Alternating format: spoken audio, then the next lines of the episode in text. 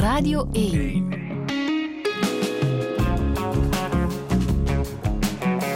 Douche. Met Friede Lesage. En met dichter en literair vertaler Johanna Pas. Goedemorgen. Goedemorgen. Hoe gaat het? Um, redelijk, gezien de omstandigheden. Maar ik ben blij om hier te zijn. Wat zijn de omstandigheden? Um, ik heb uh, uitgezaagde borstkanker en uh, ik ben nu midden in de behandeling eigenlijk. Uh, ja, dat, dat, enfin, ja dat, dat, sloopt mij een beetje fysiek, maar ook mentaal is het moeilijk. Ja. ja. En midden in de behandeling is? Um, ik heb vijf maanden chemo achter de rug en nu neem ik medicatie die hopelijk voldoende de kanker onder controle houdt. Uh, en daar kan ik dan hopelijk nog een tijdje mee doorgaan voor ik uh, terug chemo moet. Ja. ja.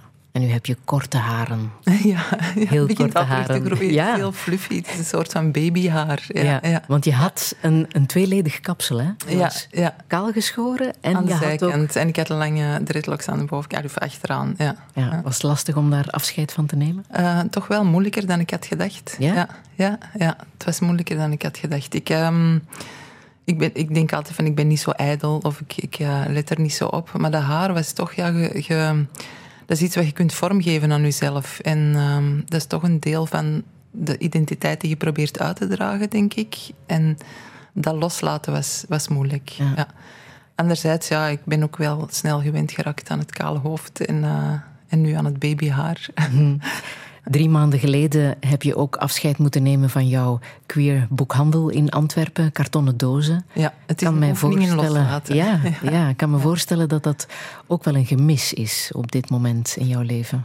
Um, enerzijds wel, anderzijds het, het geeft een hoop stress. Ik, de boekhandel runnen is echt een iets. Ja, dat is, je bent daar 24 uur mee bezig eigenlijk. Uh, dat zien mensen van buitenaf niet. Hè. Dat lijkt alsof het alleen is als de winkel open is. Maar dat is eigenlijk iets waar je voortdurend mee bezig bent. De collectie samenstellen, um, jezelf verdiepen in wat je klanten nodig hebben. Luisteren naar mensen, als de winkel open is, ook echt heel erg bezig zijn met wat, wat mensen nodig hebben. En dat, dat, is, dat vroeg heel veel van mij. Ik ben redelijk introvert. Ik ben, ik ben wel graag onder mensen, maar ik heb um, veel tijd nodig om te bekomen van contact met mensen. En ik, dus dat, dat putte mij ook wel uit. En dat mis ik niet, denk ik. ik mm. um, Want nu kan je uh, met jezelf bezig zijn. Nu kan ik met mezelf bezig zijn en ook met mijn eigen werk. En dat, dat kon niet zolang ik de winkel had, denk ik. Dan kon ik daar niet echt op focussen. Ja. En met je eigen werk bedoel je twee bundels ja, die ja. je hebt uh, afgeleverd. Afgewerkt, ja. ja en die nu verschijnen. Hè? Ik ben, ja. ja. Eén uh, is Was of Hoe ik mijn huid verloor. En uh, de andere heet Voor mij alleen. Prachtige bundels. Dank je wel. Allebei, Dank stuk voor stuk. En misschien moeten we al meteen beginnen met één gedicht daaruit te lezen. Ja. Wat veel te maken heeft met hoe je jezelf zou kunnen omschrijven, denk ik. Mm, ja. ja, want inderdaad... Um, ja, wie ik ben, ja, één, dat evolueert ook. Het verandert ook in de loop van je leven. Maar ik vind het ook heel moeilijk om mezelf nu vast te pinnen op iets. Ik kan heel veel dingen opnoemen van wie ik ben... Maar uh, ja, ik had gewoon met gedichten. Ja. Dat is eigenlijk ook dat, dat, dat, dat is het makkelijkst. Geef mij een woord voor wie ik ben, dat niet van steen is, maar van was. Dat ik kan kneden tot het past en dan opnieuw. Links van dat gedicht zie ik staan: poëzie is fictie. Niets in deze bundel is autobiografisch. Wat u leest in deze gedichten gaat over u niet over de auteur. Ja, dat klopt. Het is natuurlijk wel... Ik zit heel erg in deze bundel. Het gaat heel erg uh, ook over mij. Maar ik hoed mij voor het, het, het, lezen van gedichten als een, als een exacte weergave van, van de dichter of van het verhaal van de dichter. Wat ik hoop is dat ik de dingen die ik heb meegemaakt heb kunnen compact maken, onder woorden brengen, op een manier waardoor ze voor andere mensen ook hun verhaal worden. En dat zal niet voor al die gedichten gelden. Maar voor mij is dat de kracht van poëzie. Ook als ik de poëzie van andere dichters lees, dat zij iets verwoorden dat je zelf nog niet onder woorden had kunnen brengen. Op de cover zie ik ook een schuine streep staan tussen Jo en Hanna. Ja. Johanna. Ja. Staat die schuine streep daar bewust? Ja, die staat er bewust. Het is... Um, ik, Ehm, mijn, mijn gender is een beetje diffuus. Ik, kan, ik, zou, ik denk als ik nu jonger was, dan zou ik zeggen dat ik non-binair ben. Maar ik ben niet jonger, ik ben 53 en ik uh, heb een hele geschiedenis achter mij.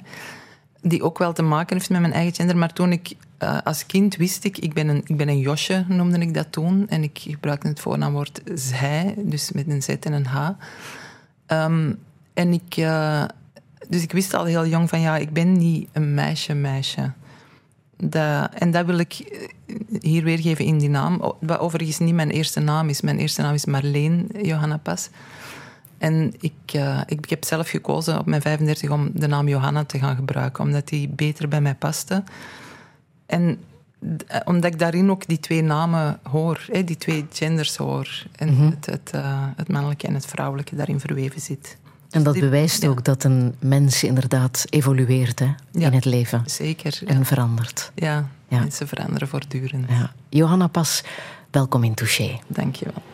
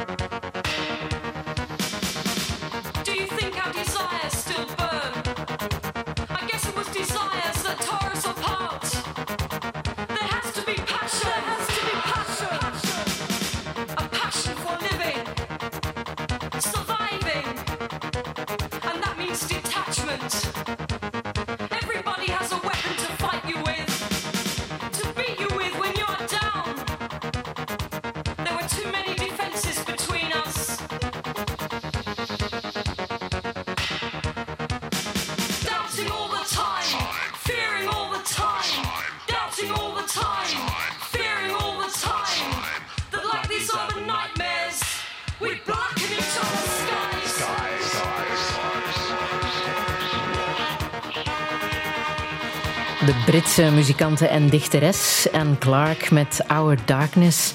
Johanna Pas, um, het is al meteen stevige muziek hè, waarmee we beginnen. Ja, inderdaad. Vond je het moeilijk om muziek te kiezen? Ik vond het moeilijk om muziek te kiezen, omdat ik niet zo heel erg geëvolueerd ben in mijn uh, muzieksmaak. ik, ik grijp nog veel terug naar de muziek die ik heb leren kennen door andere mensen, door... Uh, uh, toen ik in de twintig was, uh, begin dertig was. En wat zegt dit over jou en Clark? Um, ik denk zo, zo dat hevige van toen, dat ben ik nu wel een beetje kwijt, denk ik. Ik denk dat ik nu rustiger ben, maar die emotie die daarin zit en dat, uh, ja, punkachtige, uh, dat, dat, dat, had ik heel erg.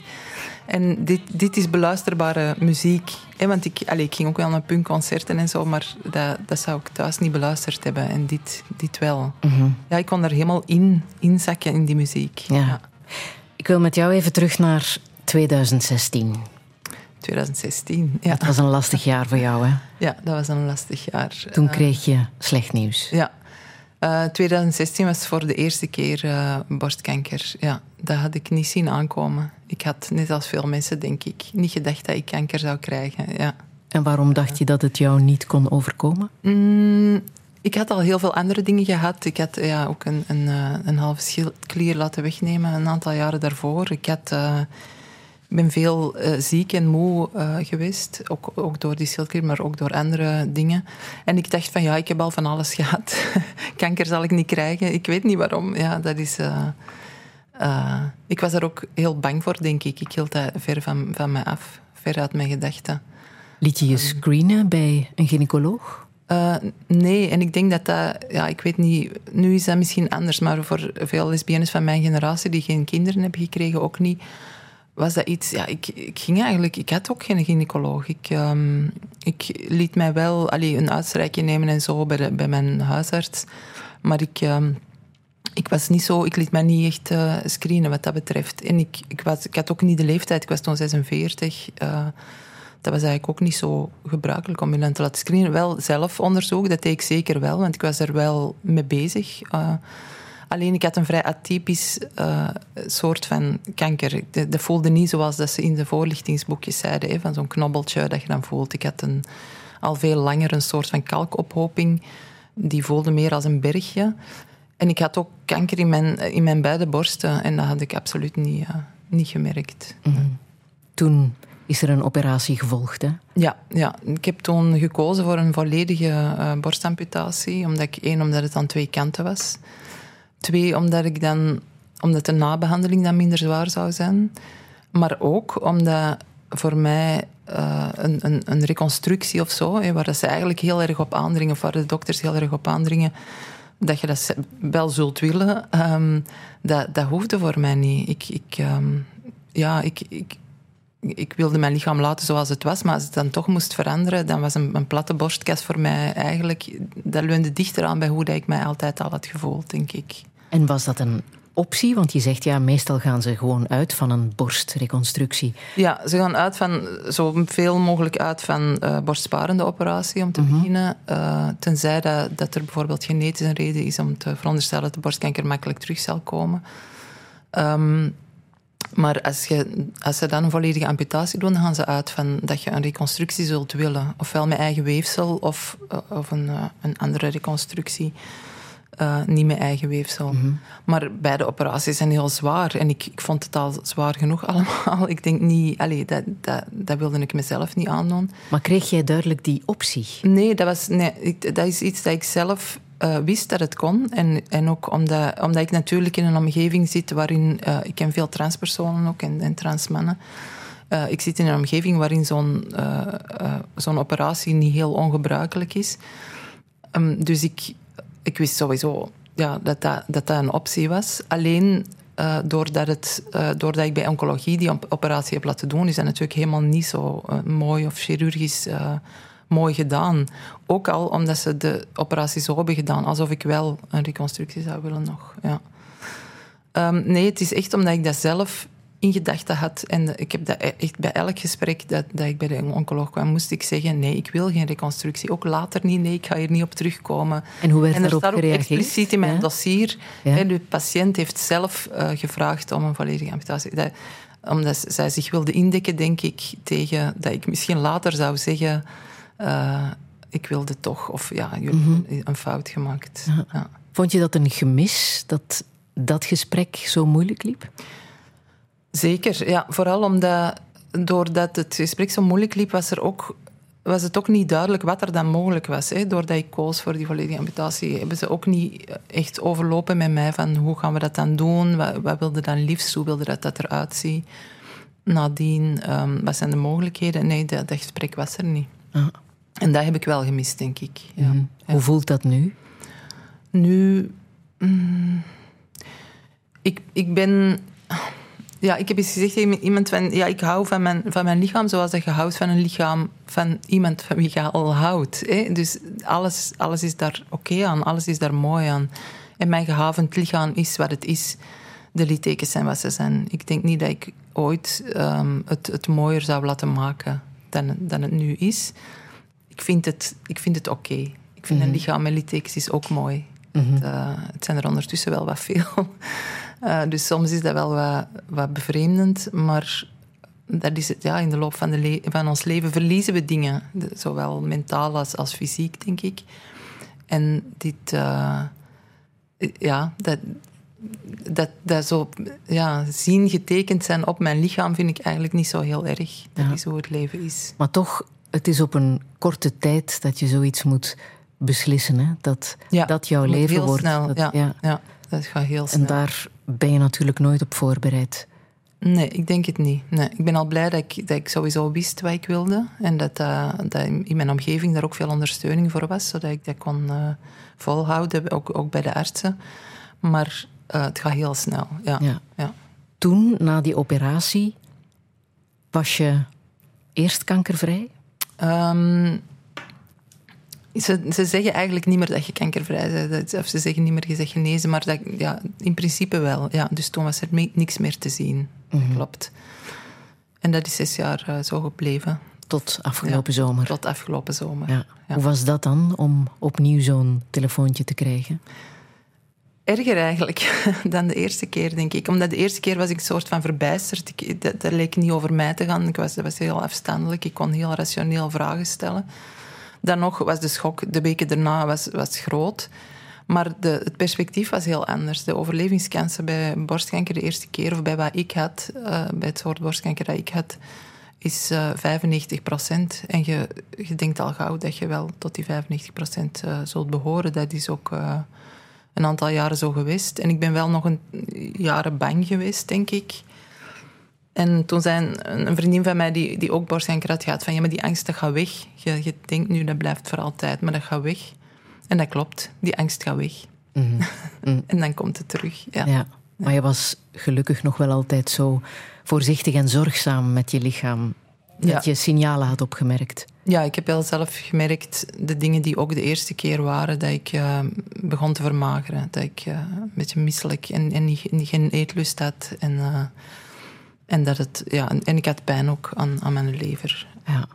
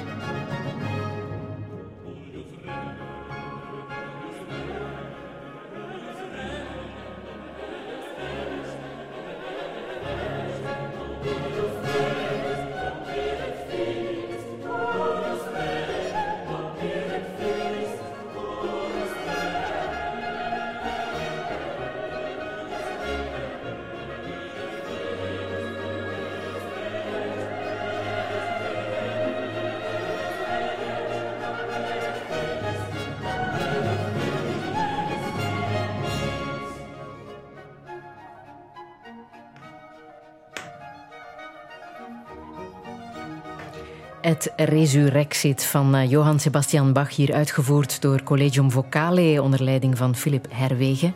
Johanna Pas, je zei zelf, dit past hier wel op een zondagochtend. Hè? Ja, inderdaad. Waaraan doet het jou denken, deze muziek?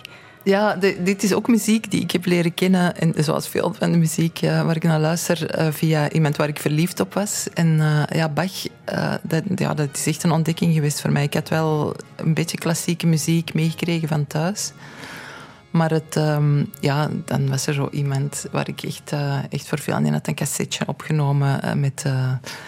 muziek van Bach. En dat was voor mij, ja, dat, dat, ik vond dat super meestal. En deze, uit de Messen in H-moll van Bach, ja, die, die is helemaal prachtig, maar dit stuk is echt super meeslepend. En als je zegt op een cassetje, dan is dat al lang geleden. Hè? Dat is lang geleden, ja. Hoe oud was je toen? 18, denk ik, ja. ja. 18, 19 jaar. Ja. En kon je dat dan ook ergens opleggen? Had je een plekje thuis waar jij dan naar deze muziek kon luisteren? Wel ja, wij waren met zes kinderen thuis. Dus er was, en we woonden in een huis met, met niet zo heel veel kamers. We sliepen eigenlijk. Je had de meisjeskamer en de jongenskamer. Um, dus ik, ik, sliep niet alleen, ik had niet echt een eigen kamer. Maar um, naarmate ik ouder werd, ging er meer en meer uit huis om te gaan studeren. Want ik was de jongste, dus ik, uh, er kwam meer en meer ruimte in het huis. Maar ook het tuinhuis kwam vrij. Dus wij hadden overal bureaus staan in heel het huis, verspreid, zodat we niet uh, op dezelfde kamer moesten studeren. En het tuinhuis was een van de plekken waar, uh, waar mijn zus en mijn broer, ik weet niet wie er allemaal in had gezeten, maar toen iedereen weg was, kon ik eindelijk het tuinhuis. En dan had ik mijn pick-up daar geïnstalleerd en, dan, uh, en mijn cassette recorder. En dan kon ik daar naar muziek luisteren en zo helemaal daarin opgaan, zonder gestoord te worden. Je zei ergens over jezelf, ik was een raar kind. Ja, ik was een raar kind. Het woord queer, wat, nu ook gebruikt wordt, of eh, wat oorspronkelijk ook raar en, en afwijkend betekent, uh, is wel op mij van toepassing. Ja, ik was een beetje een raar kind. Zo. Ik denk, uh, en op welke manier? Um, ik had veel fantasie en ik, ik kon niet altijd goed... Of, allee, misschien kon ik dat wel, maar ik denk nu dat ik dat niet zo heel goed kon. Het onderscheid maken tussen wat ik verzon en wat echt was. Uh, ik had veel uh, fantasievriendjes. En ik, ik wilde ook altijd dingen organiseren, toen eigenlijk al. Ik had dan een club opgericht en zo. Maar het was moeilijk om andere mensen mee te krijgen. Dus ik had een, soort milieuactivistenclubje opgericht als kind. En dan wilde ik dat andere kinderen meegingen afval opruimen in de buurt. En, dan, ja, en dat die in mijn clubhuis kwamen en zo. Maar ik was toch wel een beetje, ik wou zo wat de leader zijn. Terwijl ik daar helemaal niet, sociaal gezien, toonde skills niet voor had. Maar in mijn hoofd, in mijn hoofd was dat wel. En ik had ook een beetje een, ja, een Jezuscomplex. Zo, van ik, ik ben hier om de wereld te redden. Ja? Ja. ja. Ah. Dat is niet helemaal overgegaan. maar um, dat heeft wel realistischere vormen aangenomen, denk ik. Dan, dan en hoe keken kinderen naar jou? Werd je gepest? Als een beetje, ja, ik werd gepest. Ja. Hoe ver ging dat? Um, eigenlijk toen ik in de lagere school viel dat nog mee. Maar het was vooral uh, toen ik denk het eerste, het eerste jaar van nu majora. Um, ja, hoe ver ging dat? Niet fysiek. Dat, uh, want het was, ik zat op een, een katholieke Vlaamse meisjesschool. Dus het, uh, de pesterijen die waren zeer geraffineerd, zal ik maar zeggen. Um, ja, hoe ver ging dat? Uitsluiten in de kring rond u komen staan en zeggen hoe verschrikkelijk dat je zei. Ik... Um, en waarom en, en ook onderweg naar school. Ja, uh, ja ik, wij droegen een uniform en uh, eigenlijk moesten wij een rok dragen tussen, ik geloof, ja, in, in, de, in de zomermaanden en in de lente. Uh, dus alleen tussen kerst en Pasen, denk ik, mochten we een broek dragen. Wat heel wat was. Hè. Ik denk dat mijn oudste zus dat niet mocht. Ik denk dat dat toen een, een rok was met een kousenbroek onder of zo. Maar mm -hmm. wij mochten gelukkig al een broek. En dan voelde ik mij redelijk oké. Maar daaronder droeg ik dan van die echt zware bottine. Um, die ik... Uh, ja, mijn moeder wilde eigenlijk ook niet dat ik die droeg. Maar ik, ik had dat dan wel... Ik had er wel zo ver gekregen dat ik die mocht uh, dragen. En ik zag eruit als, als een jongen eigenlijk. Met mijn kwartaar en, en, die, en die botten en die broek. Maar in de lente en de zomer moesten we dus een rok dragen. En dan, ja, dan scholden ze mij onderweg naar school uit voor... Uh, ja, een jongen met een rok en uh, jij met je Jezus-schoenen als ik sandalen droeg. Dus dat, ja, hoe ver ging dat? Ik weet niet. Hoe, hoe ver. Um, het, het, ik denk ik, had, ik zeg het, ik had een beetje een Jezus-complex en dat heeft mij wel gered. Ik dacht van ja, ik moet dit, dit lijden doorstaan of zo. Dat hielp mij wel. Staan. Ja, ik moet hier boven staan. Dit, is niet, dit gaat niet over mij en ze weten niet beter. En, en, uh, en dat, dat, die, die lichte arrogantie heeft mij wel geholpen om daar doorheen te komen. En ook later misschien mij minder aan te trekken van wat mensen dachten of zeiden. Kon je dat thuis vertellen? Niet echt, nee. nee, nee. Thuis kon ik daar niet echt... Uh... Hoe kwam dat? Was daar geen openheid mm. voor? Ik denk dat mijn ouders zelf een, een vrij moeilijke jeugd hebben gehad en dat, dat, dat zij ook zoiets hadden van ja, we hebben ons daar ook doorgeslagen. En het tweede is denk ik, ik, ik denk dat ik daar niet veel... Uh, ik was in dat opzicht ook een raar kind. Ik schreef ik, een dagboek van, vanaf mijn acht jaar. Ik denk dat ik die dingen ook voor mezelf hield. Ik denk dat ik dat gewoon niet deelde. Ik mhm. weet niet of er geen ruimte voor was. Misschien wel als ik opener was geweest. Geen idee. Mhm. Maar ik heb niet het gevoel dat ik het kon delen. Ja. Wat heb je wel meegekregen van thuis? Mm, die, die zelfzekerheid, of die lichte arrogantie misschien zelfs, dat heb ik toch... Allee, dat heeft mij enigszins gered. Dus je zou kunnen zeggen van ja, er was geen steun of emotioneel was daar niet veel ruimte voor om het daarover te hebben. Maar de, de, de houding die ik had of het gevoel dat ik had, het gevoel van zelfwaarde dat ik had, dat hebben ze mij wel meegegeven. En dat heeft mhm. mij wel overeind gehouden in die periode. En ook, ook daarna nog eigenlijk, toen het, ehm, het conflict met hun ook ontstond, bizar genoeg. Hè? Dus over, over mijn homoseksualiteit en, en Was dat een conflict? Mijn leven. Ja, dat was wel moeilijk. Mijn ouders zijn uh, eh, 40 jaar ouder dan ik en dat was echt een groot generatieverschil. Wat dat betreft ook dat was heel moeilijk voor hun. Ja, mm was heel moeilijk. Want jouw vader was rechter, hè? Ja, mijn vader was rechter. Ja. Je zou denken, dan heeft hij toch een, ja, een amalgaam van de mensheid voor Zeker. zich. En mijn vader was ook heel allee, um, vooruitstrevend en open in heel veel opzichten. Um, en heel sociaal geëngageerd, ook altijd geweest. Uh, was ook... Uh, uh, bij de Bond van Groot en Jonge Gezinnen. In, in, um, en hij heeft heel veel heeft onder andere VZ2 Theo opgericht, bijvoorbeeld. Was heel erg begaan met, met sociale kwesties. Maar op persoonlijk vlak, en dat zie je toch wel dikwijls bij, bij, ja, bij mensen die, die uh, sociaal geëngageerd en open zijn, dat het, mm als het dan persoonlijk is, als het hun eigen kinderen zijn, dat het toch moeilijker is of zo. Heb je dat ooit kunnen zeggen tegen hem? Mm, ik denk het wel. Er is in ieder geval een moment geweest later uh, waarop ik dat. Maar nee, niet echt heel uitgesproken, zoals niks heel uitgesproken was bij ons thuis. Ah. Maar ik, uh, ik heb wel het gevoel dat ik dat min of meer heb kunnen delen. Of dat ik daar. Uh, ja. Ah, ik, heb, ik heb wel geval het gevoel dat ik dat heb opgelost met hem of zo. Dat er geen. Dat dat mhm. niet. Ja, want hij is overleden anderhalf jaar geleden en ik heb niet het gevoel dat er onopgeloste dingen zijn. Mhm. En met je moeder?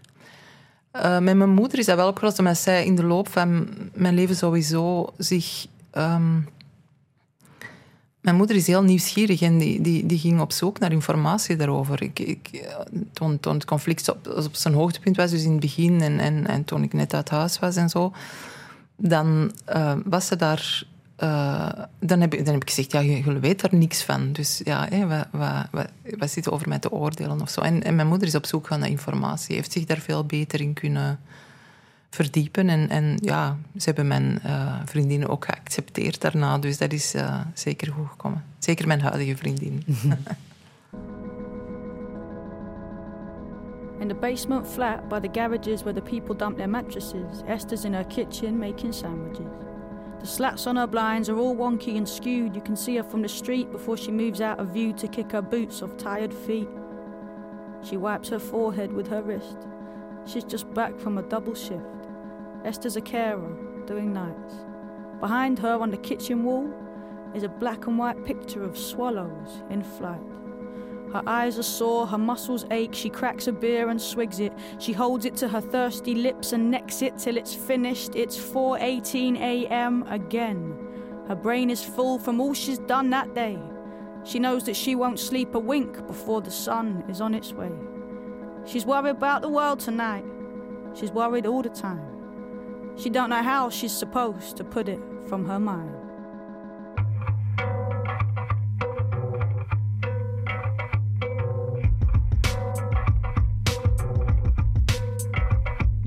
Is lost. America lost. London lost. Still we are clamoring victory. All that is meaningless rules. We have learnt nothing from history. The people are dead in their lifetimes, dazed in the shine of the streets. But look how the traffic's still moving. Systems too slick to stop working. Business is good and there's bands every night in the pubs and there's two for one drinks in the clubs and we scrubbed up well. Washed off the work and the stress and now all we want some excess. Better yet, eh, a night to remember that we'll soon forget. All of the blood that was bled for these cities to grow.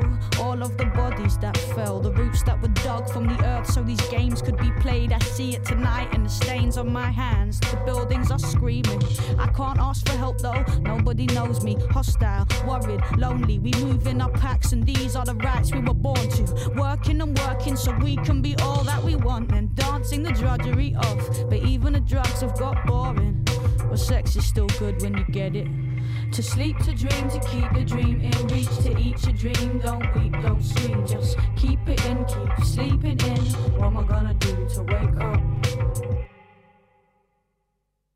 I feel the cost of it pushing my body like I push my hands into pockets and softly I walk and I see it. This is all we deserve. The wrongs of our past have resurfaced despite all we did to vanquish the traces.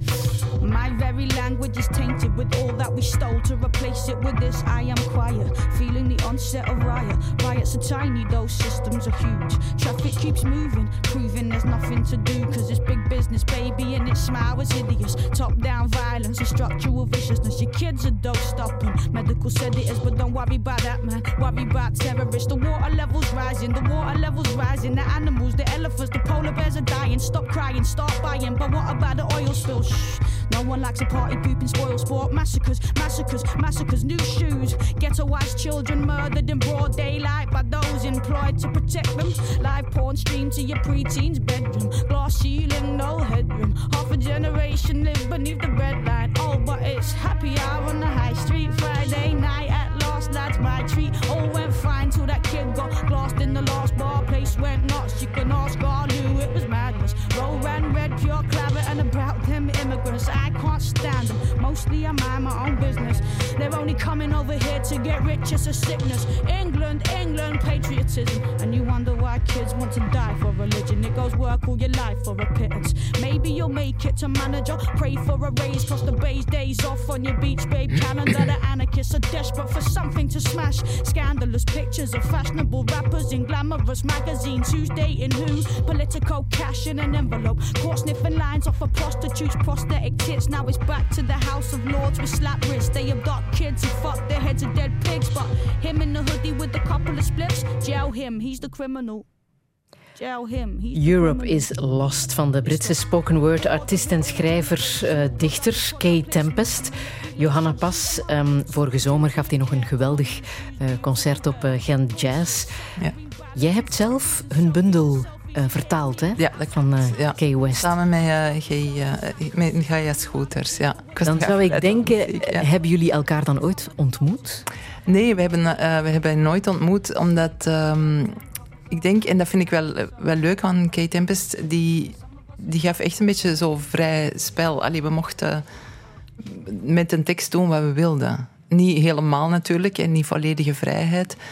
Maar ehm, hij heeft echt wel een idee van kunst of van, van wat tekst is, of wat van vertalen is, dat aansluit bij wat ik zelf ook vind. Dat een andere, andere schrijvers er, er iets mooi van moeten maken. En als het dan, dan goed is, dat het, dat het ook oké is. Ja. Dus we hebben weinig contact, eigenlijk heel weinig. Ik had liever meer contact gehad met hen om, om te overleggen over sommige dingen.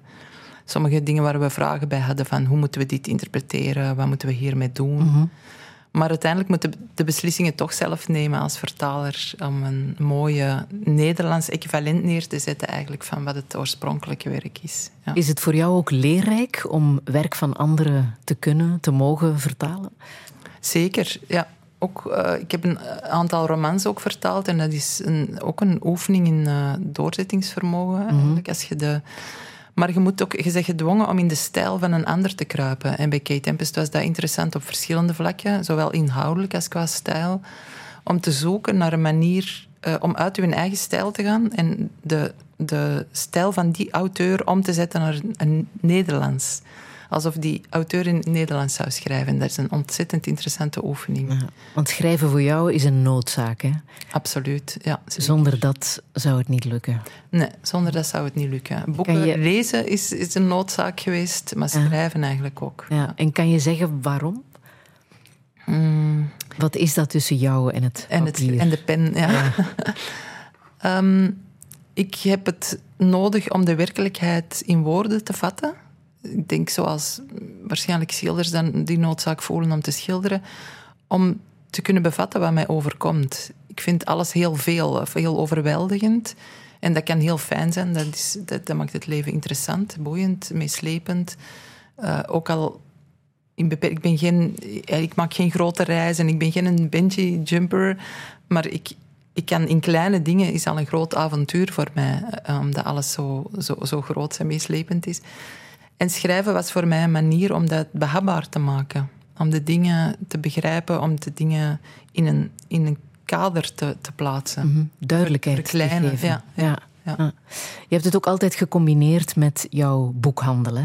Eerst heb je lange tijd gewerkt in Het Verschil. Ja. eh, zoals de eerste Holybie eh, boekenwinkel in Antwerpen. Ja, ja. En die heb jij dan overgenomen en kartonnen dozen genoemd naar het boek van eh, Tom Lanois aan de Antwerpse Dageraadplaats. Die winkel is dus in oktober moeten sluiten. Wat voor iedereen heel erg eh, een triest was. Het was een triest afscheid, hè? Ja, het was een triest afscheid. Ja. Het was heel dubbel. We hebben, toen, we hebben nog een afscheidsfeest gedaan. Ik was toen eh er wel bij aanwezig. Ehm, maar het was heel dubbel. Ik wilde er eigenlijk ook liever niet zijn. Ik, het, het was wel een mooi afscheid, maar ja. En ik heb daarna ook nog veel eh, kaartjes en brieven en mails gekregen van mensen om te zeggen hoe belangrijk de winkel was geweest voor hun.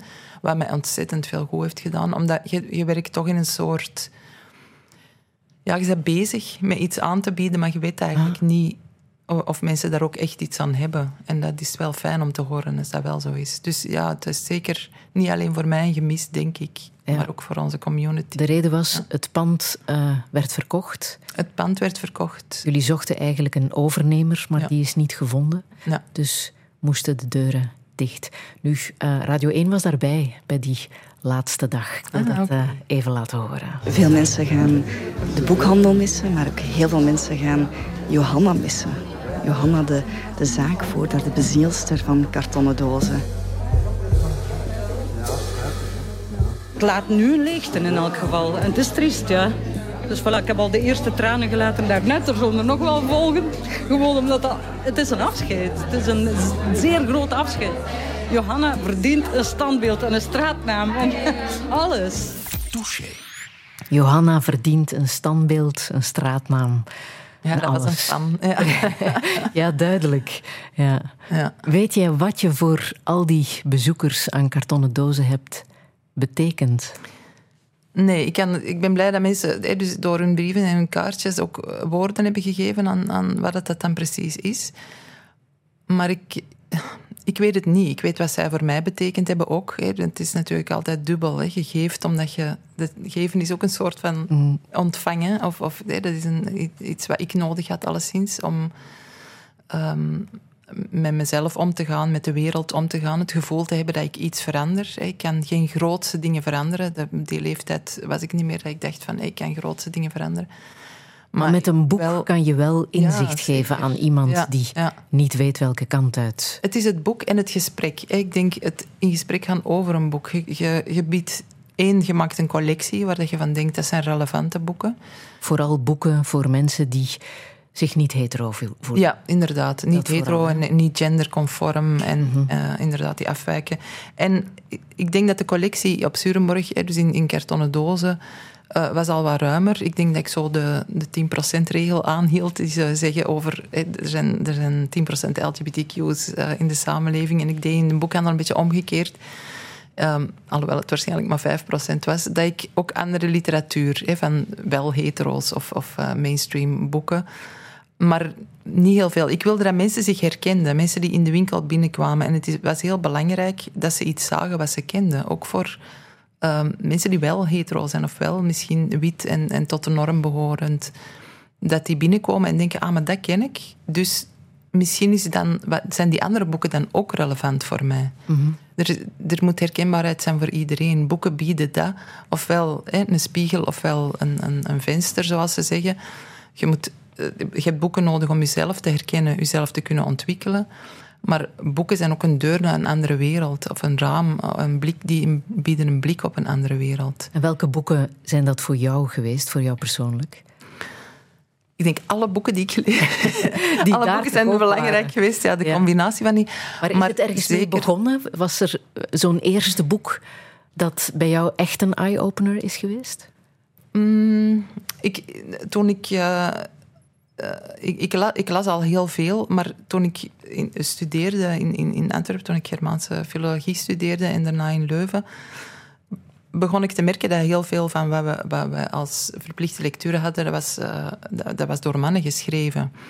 En er was, we hadden één docent die uh, ons Adrian Rich liet lezen. En dat is een, een eh, Amerikaanse feministische dichteres. Die ook essays schreef, overigens, over feminisme en over homoseksualiteit. Die, en dat was, dat was echt een eye-opener. En door Adrian Rich, over wie ik toen ook mijn thesis heb gemaakt en wiens werk ik ook vertaald heb, die eh, ben ik andere boeken gaan lezen, onder andere Audre Lorde, ehm, eh, ook Nederlandse, Surinaamse schrijfster. Veel vrouwen, Andreas Burnier beginnen lezen.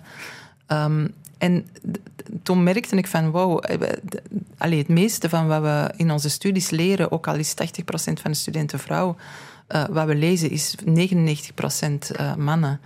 En dat is nu misschien al een beetje veranderd, maar ik denk nog niet zo allez, extreem veel. Het begint wel te veranderen, denk ik. Uh, dat was voor mij echt een, een eye-opener. Is dat de reden waarom je hier graag het wou hebben over een, een tekst van Margaretha Vazalis? Zij was psychiater, schrijfster, maar wou vooral niet dat mensen zouden denken dat haar teksten voor vrouwen en door een vrouw was geschreven. Ah, dat wist ik niet. Ja. Ah, ja. oké. ja. Daarom dat ze de afkorting M gebruikte. Ja. ja. Afsluitdijk. zullen, we, zullen we eens luisteren, want uh, het is ook gezongen, dit uh, Prachtig, ja. prachtige gedicht.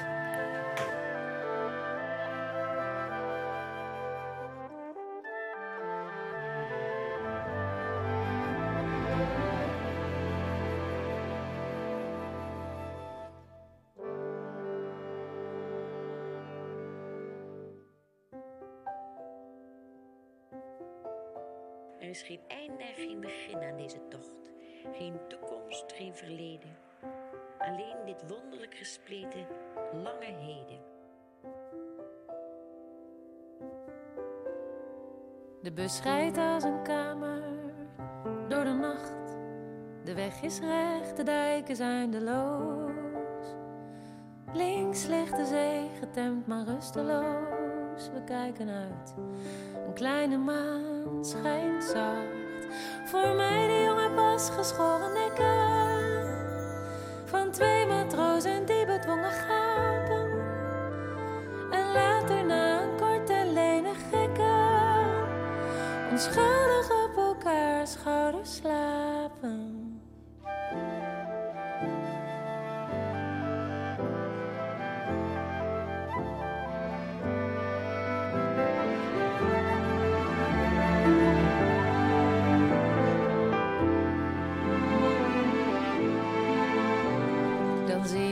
zoals water een droom in het glas.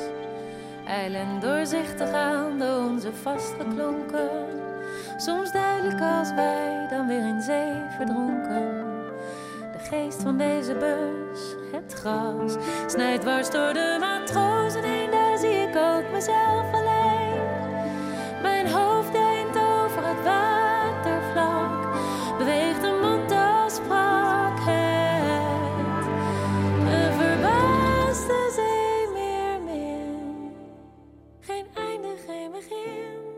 toekomst, geen verleden. Geen einde, geen begin. Geen einde, geen begin. Geen toekomst, geen verleden. Alleen het wonderlijk gespleten. Lange heden.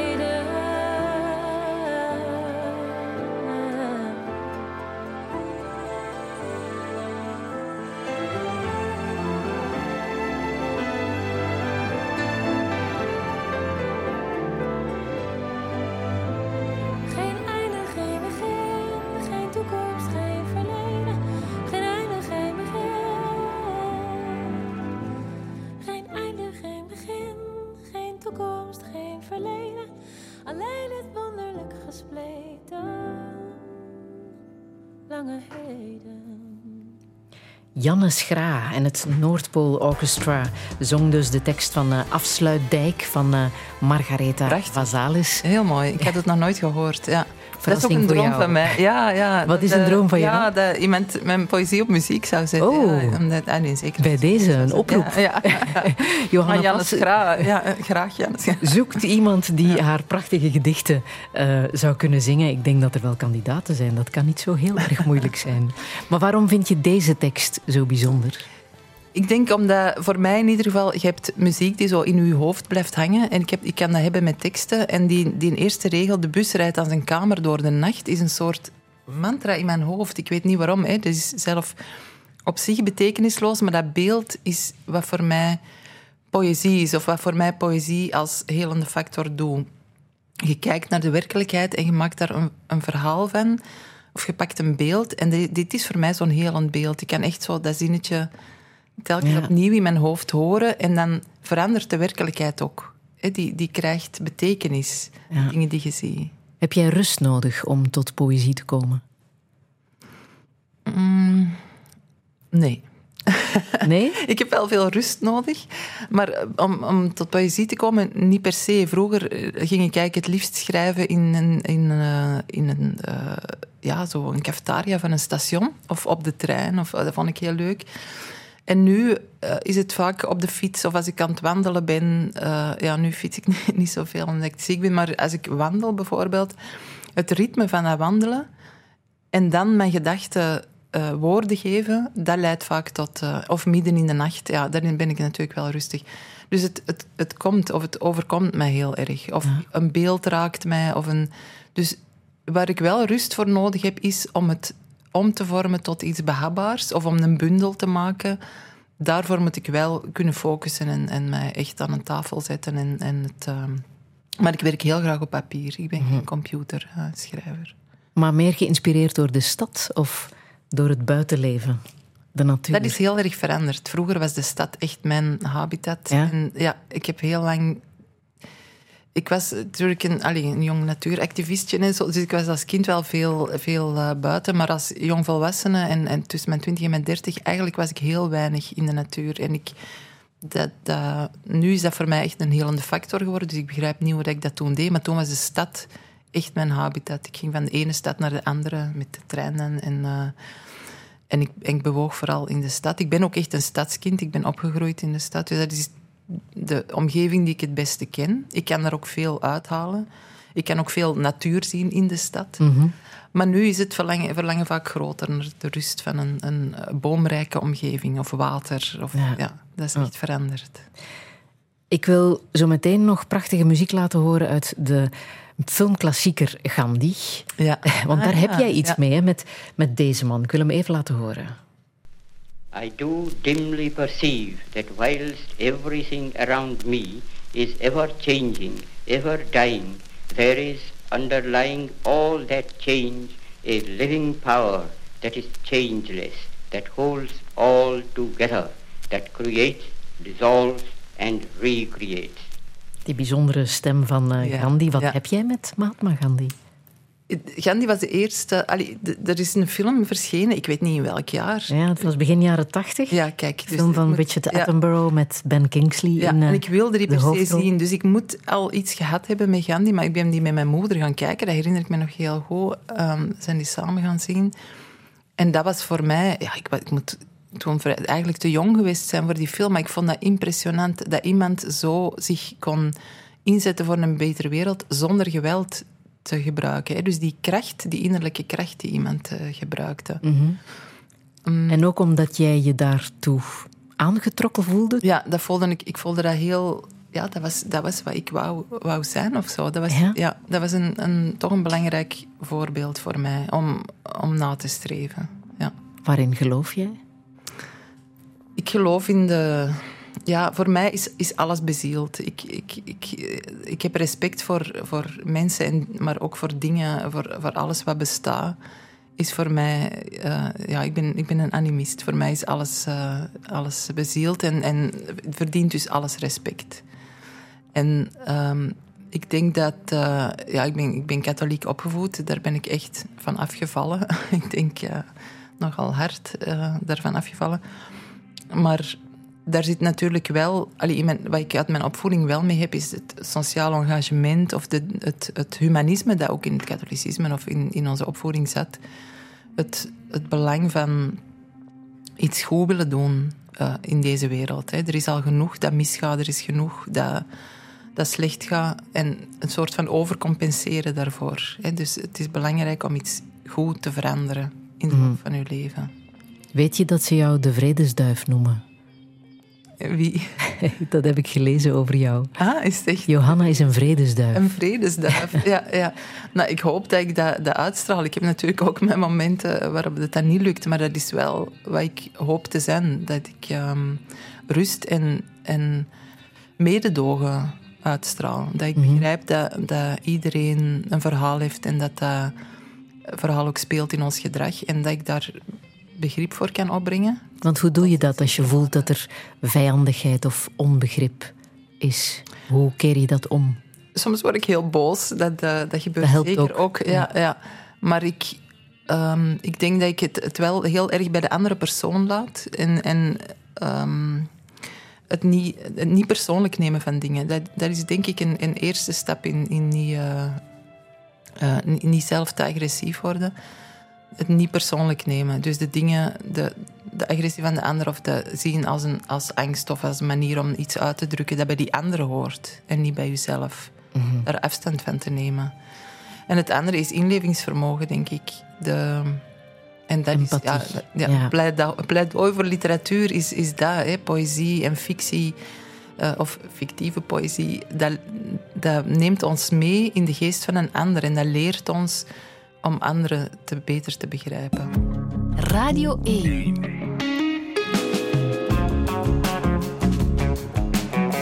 Douche. Met Friede Lesage. En met dichter en literair vertaler Johanna Pas. Als jongste van zes voelde ze zich een raar kind. Maar ze vond vriendjes in boeken. Later maakte ze daar haar levenswerk van. Met de queer boekhandel Kartonnen Dozen hielp ze haar klanten met de juiste verhalen. Drie maanden geleden dwong borstkanker haar om de zaak te sluiten. Maar hoe moet het verder? Wat als hormoonremmers je richting afgrond sturen? Wat als je geen borstreconstructie wil? En wat is de juiste definitie van moed? Dit is Touché met Johanna Pas. Een zeer goedemiddag. He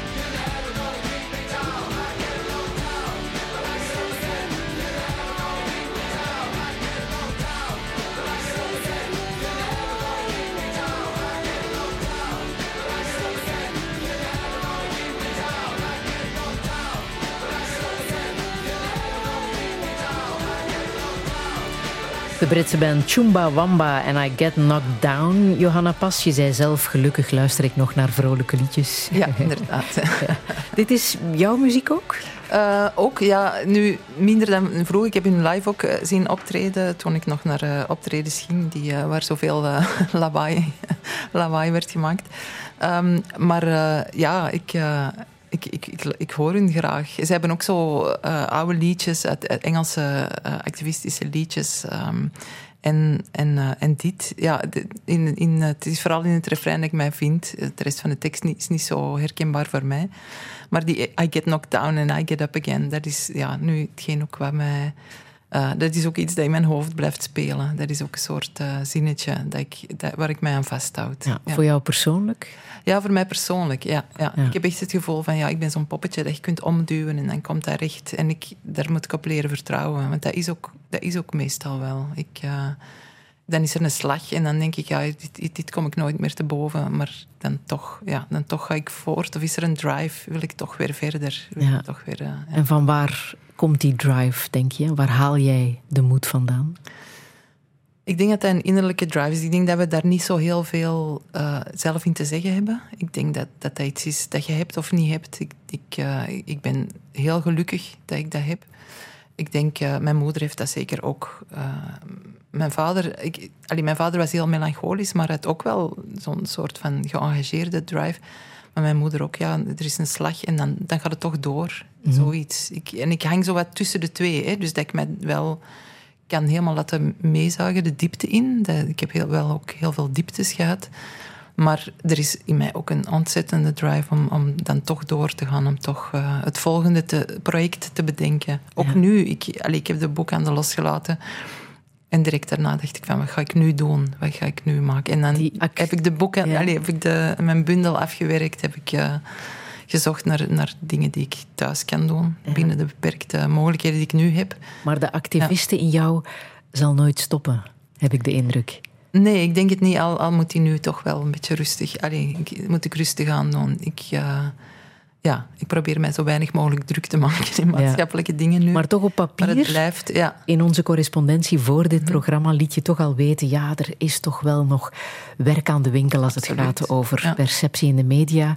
Ja. over de queer gemeenschap, mm -hmm, dan ja. dat kan echt nog beter. Dat klopt, dat kan zeker beter. En ik denk dat dat is aan. aan uh, soms denk ik, met een boekhandel gaf ik al die oudere stemmen een, een, een plaats. Uh, om de jongere generatie ook nog iets te bieden van hun geschiedenis. Maar er is, een genera er is nu een generatie opgestaan die heel duidelijke ideeën heeft over genderdiversiteit en over seksuele oriëntatie die, die anders is dan wat hier aan vooraf gegaan is.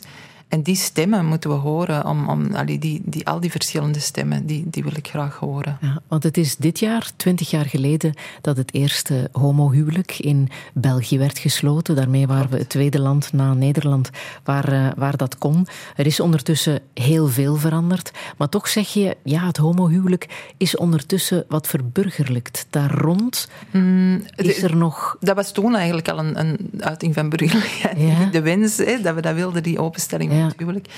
Dat is voor mij nooit echt een prioriteit geweest in, in mijn activisme. Het, maar ik vind wel natuurlijk ja, er moest gelijkheid zijn. Dus als er een huwelijk bestond, dan moest dat ook zo zijn dat mensen van gelijk geslacht dat, dat konden aangaan. Maar het, het leidt tot een gevoel of een idee dat, dat we het dan wel allemaal hebben als we dezelfde dingen mogen als, als hetero's, dat het dan wel in orde is. Maar misschien hebben wij andere behoeftes. En dat, dat, dat geldt voor heel veel bevolkingsgroepen die ondergerepresenteerd zijn. Dat, we, eh, dat ons het idee wordt gegeven van ja, hé, maar als je dezelfde dingen moogt, dat het dan allemaal wel in orde is. Maar soms hebben bepaalde groepen uh, andere noden of andere behoeftes. Zoals, die niet in de mainstream te vinden zijn. Ja. Open relaties bijvoorbeeld? Zoals open relaties bijvoorbeeld. Dat is iets dat niet geregeld werd. Daarom dat voor mij de openstelling van het huwelijk was belangrijk als maatschappelijk uh, als, als teken hè, aan, aan de maatschappij. Maar het regelt niks voor mensen die alleenstaand zijn of voor mensen die andere vormen van relaties hebben met meerdere mensen of, of uh, op andere manieren.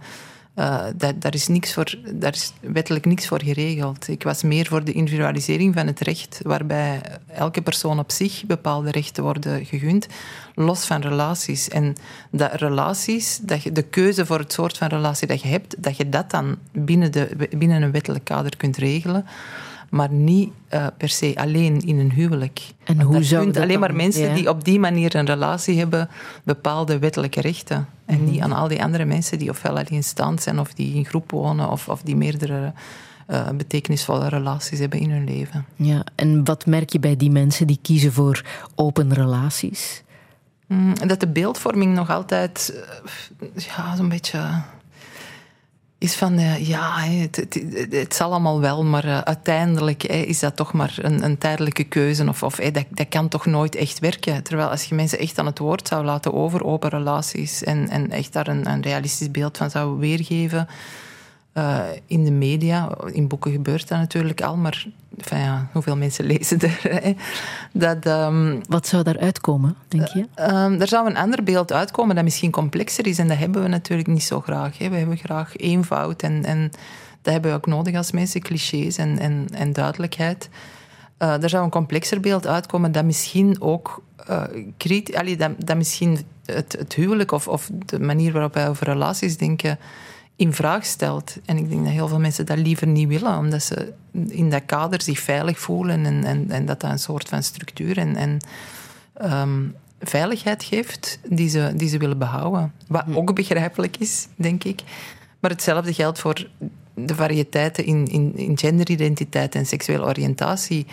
Zo'n dingen knagen aan de veiligheid die mensen voelen in hun eigen identiteit. Die ze niet als een identiteit zien. Als je tot de mainstream behoort, dan denk je, ja, maar ik ben normaal en al de rest is afwijkend. Maar als, als mensen uh, die inderdaad daarvan afwijken, hun, hun stem gehoord wordt, dan moeten mensen die tot de mainstream behoren ook zichzelf in vraag gaan stellen. En dat is soms moeilijk. Als je gewoon geweest bent, alles u op een presenteerblaadje is aangereikt. Er is een verschil tussen jouw generatie, zeg je, die heeft gezwegen en al blij was met de tegemoetkomingen die uh, werden geregeld. Deze generatie staat echt op de barricade. Hè? Die zegt: luister naar ons. Ja, ja. ik denk is dat we stonden ook wel evolutie? op de barricade, maar, op maar een andere manier. Was, ja, die was uh, toch kleiner, denk ik, in kleinere straatjes. En, en ik denk dat er nu toch meer stemmen zijn of meer mensen die... Ja, ik vind dat een goede evolutie. Ik ben daar heel blij mee. Het is voor mij soms ook ontregelend, hè, want ik ben natuurlijk ook dingen gewoon. Ik ben ook ouder. Ik ben in bepaalde dingen vast... Alleen niet, niet vastgeroest of zo, maar wel... Um, ik heb voor mezelf bepaalde beslissingen genomen of, of bepaalde dingen uh, mijn eigen gemaakt. En het is voor mij soms ook ontwrichtend als, als, als die dingen veranderen.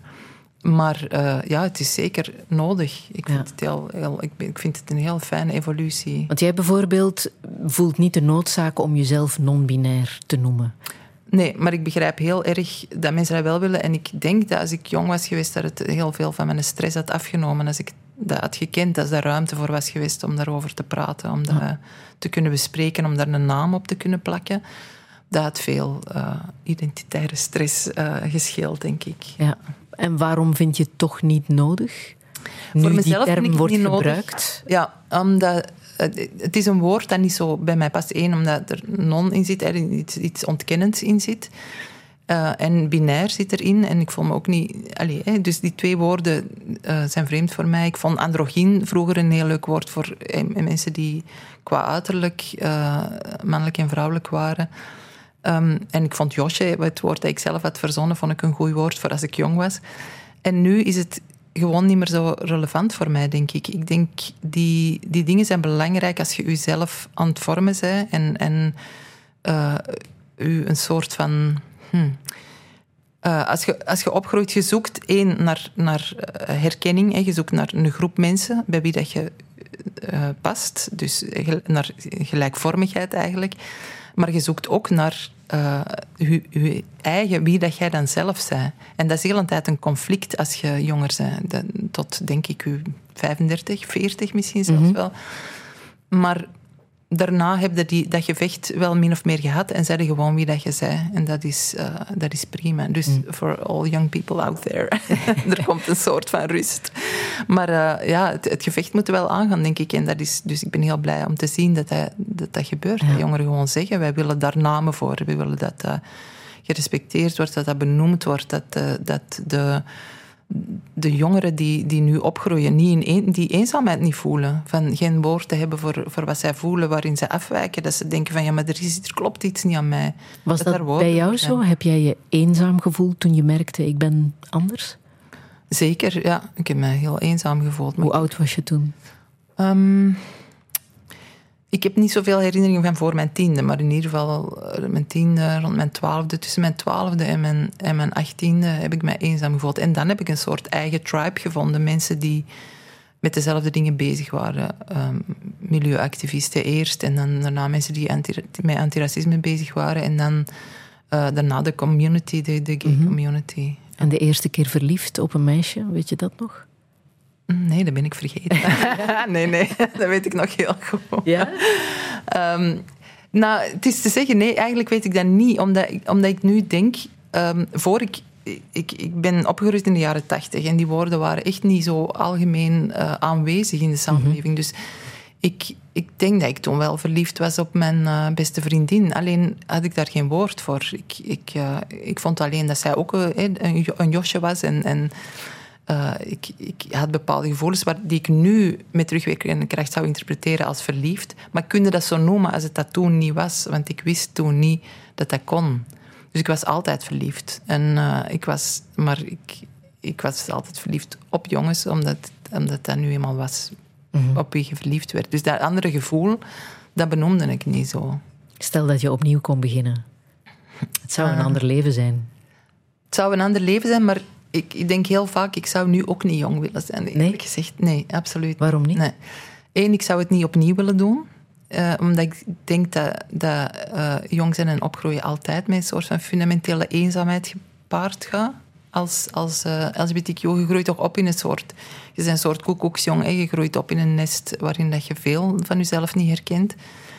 Um, en ja, nu, ik, ik vind het een hele complexe tijd. Er zijn heel veel dingen, ook qua, qua lichaamsbewustzijn en zo. Bijvoorbeeld de manier waarop ik naar mezelf kijk en, en uh, waarop... Uh, ik zei onlangs tegen iemand, wij, zagen onszelf in de spiegel in de, in de, in de badkamer. Hè? Dus als we ons tanden poetsten. En daarna de rest van de dag niet meer. En foto's, dat, dat nam zo eens een keer en dat was een filmpje dan dat was op vakantie of zo. Of op momenten dat je blij en gelukkig waart. En niet op momenten dat je gestresseerd of, of bezig waart met, met de dingen des levens. En nu, jongeren groeien heel erg op mijn soort beeldcultuur, die ontzettend uh, veel impact heeft op hun eigen welbevinden, op de manier waarop ze naar hun lichaam en zichzelf kijken. En dat zou ik echt dat, dat, dat zou ik niet willen. Ik was geen schoon kind. Ik ben nu ook niet mooi, niet standaard mooi. Ik, ik, maar ik Valt hou van mezelf. Dank je wel, met mijn babyhaar. um, maar uh, dus dat, dat zou ik niet willen moeten doen. Dat zou ik niet willen moeten opgroeien.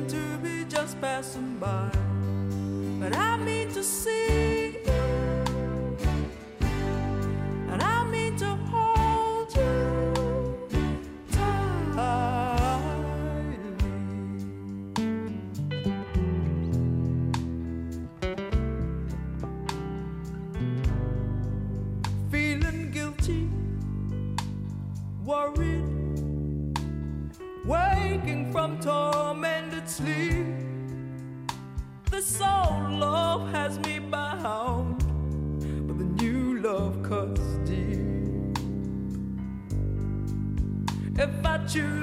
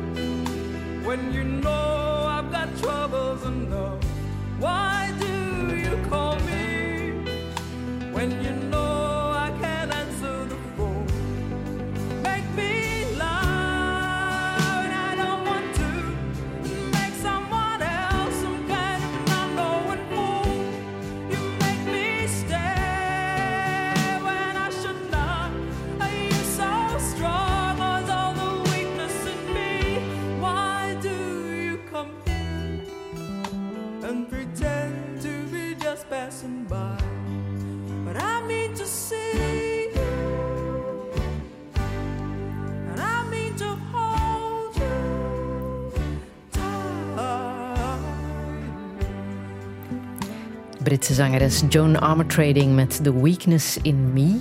Het is trouwens ook de titel geworden van een boek dat vorig jaar geschre- eh, geschreven is met eh, haar songteksten. Ah, dat wist ik niet. Ja. Joan Armatrading. Wat betekent zij voor jou, Johanna Pas?